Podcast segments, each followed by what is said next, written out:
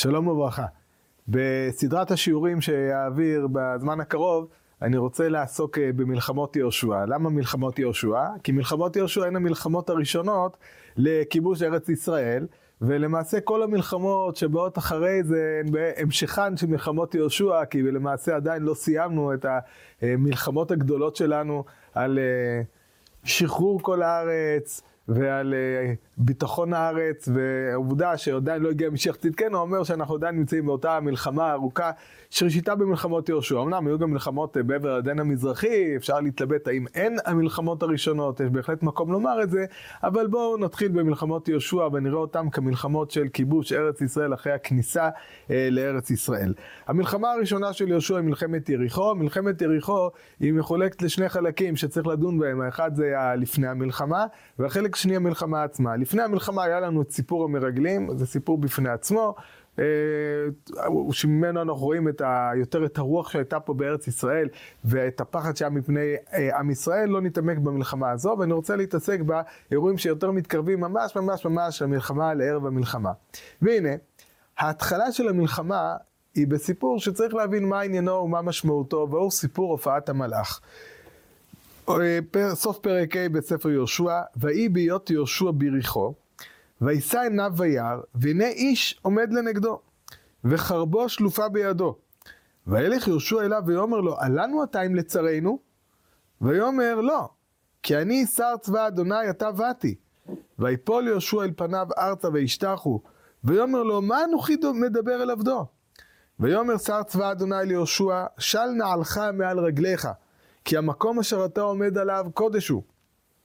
ויעש יהושע כן, ויריחו סוגרת ומסוגרת מפני בני ישראל, אין יוצא ואין בא. צריך להבין מה הסיפור הזה של המלאך, מה הוא תורם לנו, מה הוא בא ללמד אותנו, מה משמעותו. כשאנחנו מסתכלים על רצף הדברים, יש לנו כלל שמסתכלים על רצף, רצף הדברים, שיש סיפור שאתה יכול לקחת אותו, להוציא אותו, ולא משנה, התמונה לא משתנה בשום דבר מבחינת העלילה, צריך להבין היטב מה תכליתו, מה משמעותו של הסיפור, וזה בדיוק סיפור המלאך. אם אנחנו נקרא את הסיפור עד הרגע הזה, ואחרי זה נעבור לפרק אה, ו', ויאמר השם אל יהושע, הרי נתתי בידך את יריחו ואת מלכה גיבורי חיל, שום דבר לא משנה ברצף העלילה. דיבור עם יהושע מאת השם, דיבור ליהושע היה ישירות מאת השם מתחילת ספר יהושע עד עכשיו. העניין שיהושע הולך לפעול כפי שהוא פועל זה נקבע במה שאומר לו השם, איך לכבוש את ירחו ומה לעשות איתה. למעשה המלאך פה, סיפור המלאך, אפשר לקחת אותו, לנתק אותו, וכאמור הדבר הזה לא היה משנה לנו שום דבר בתוך הסיפור הכולל של uh, סיפור יהושע. ולכן צריך להבין מה עניינו של המלאך. Uh, כשאנחנו מתמודדים בסיפור, הוא מזכיר לנו כמה סיפורים. דבר ראשון, ההופעה של איש שנמצא ככה לפניך, לפני מאבק, מזכיר להם קצת את סיפור יעקב. והאיש שנאבק איתו עד עלות השחר, המלאך שחרבו שלופה בידו, מזכיר לנו את הסיפור של בלעם והאתון, שם גם המלאך ניצב וחרבו שלופה בידו, וכמובן שהסיפור שמאוד מז... אה, בולט פה בתוך הפרשה הזו, הוא הסיפור של הקדשת משה רבנו, ההתגלות הראשונה של משה, של הקדוש ברוך הוא למשה רבנו בסנה, של נעליך מעל רגליך, שהוא ממש חוזר על עצמו, פה של נעלך, אמנם המפרשים דנו אם של נעלך ונעליך זה אותו דבר, יש פה כמה כיוונים, לא נתעמק בזה, אבל בוודאי שהסיפור הזה הוא נמצא לנו באיזה מראה, כמו שהגדיר את זה זקוביץ', שפת המראות והרמיזות, נותן לנו איזה רמז, איזה מראה לכיוון הסיפור הזה, וצריך להבין מתוך הדברים האלה, מה בעצם נועד הסיפור של המלאך. הדבר הבסיסי שגם מופיע בראשונים, שאפשר אה, לומר אותו, שהמלאך בא כדי להגיד ליהושע את דבר השם. אבל כפי שאמרתי קודם, אנחנו אה, לא נקבל את הגישה הזו, בגלל שההתגלות של השם ליהושע היא כבר באה מתחילת ספר יהושע. זה לא שעכשיו המלאך אומר לו איזה משהו, איזה, להגיד לו את דבר השם, אה, איך לכבוש את יריחו, משהו מעין זה. זה לא נראה לא מהמשך הדברים, וגם לא נראה בתוך הרצף, כי יש פה איזשהו, אה, כאמור, התגלויות רבות של הקדוש ברוך הוא ישירות ליהושע בדרך הנבואה. אז מה כן בא המלאך לומר לנו?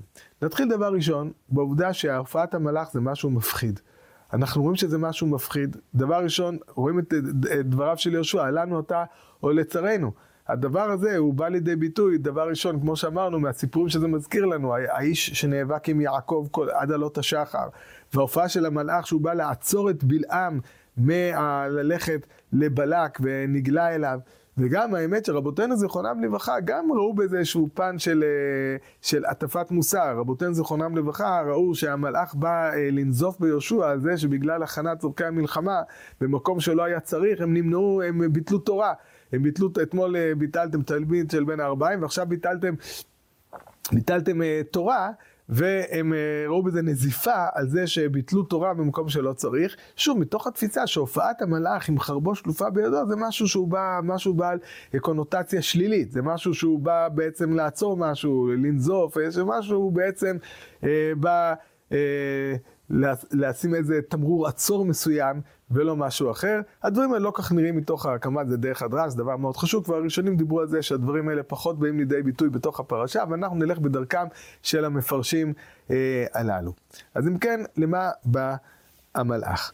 דבר הכי פשוט, שהוא נראה דבר מאוד יסודי, המלאך בא כדי לחזק את יהושע.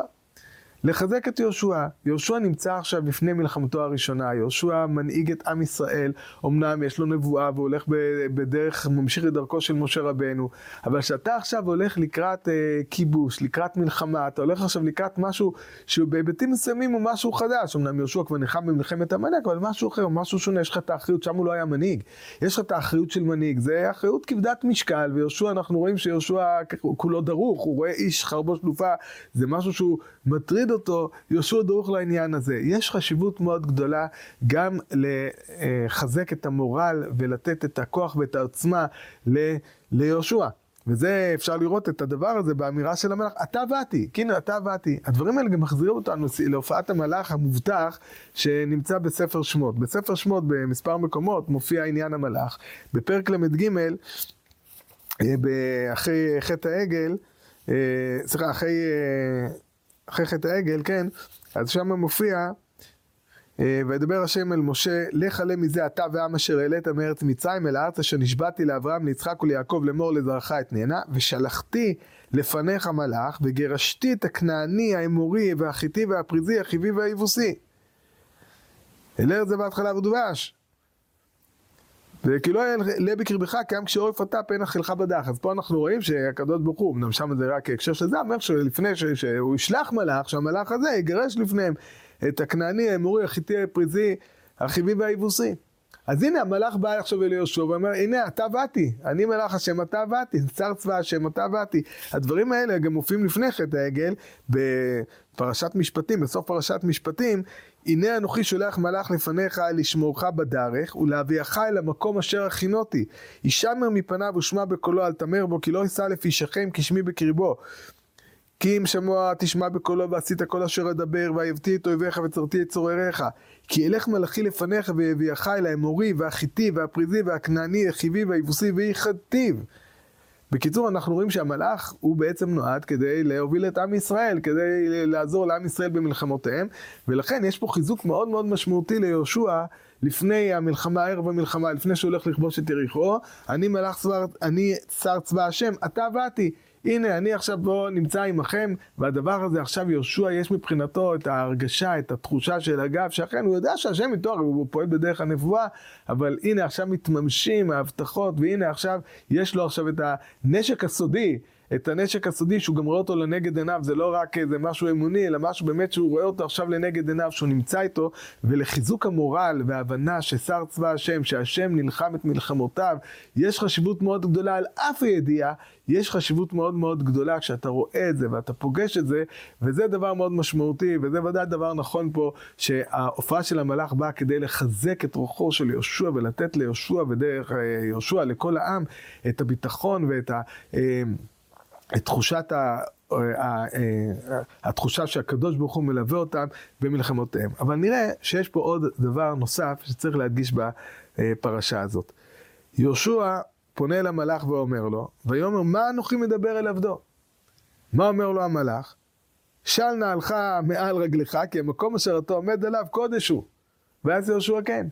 בעצם המלאך, האמירה היחידה שנראית שהמלאך שאומר, שהאמירה שאומר המלאך ליהושע, הוא אומר לו, תשמע, אתה נמצא פה במקום של קודש, והדבר הזה הוא מאוד משמעותי. הרבה, להבין שהמלחמה, אתה נמצא עכשיו, אתה נמצא על יריחו, והמקום הזה הוא מקום קודש, יש פה מקום של התגלות אלוקית, כמו שאצל משה רבנו, המלאך אומר לו, שן עליך מעל רגליך, כי המקום, המקום הזה הוא מקום קדוש, אתה עכשיו הולך לזכות לאיזו התגלות אלוקית.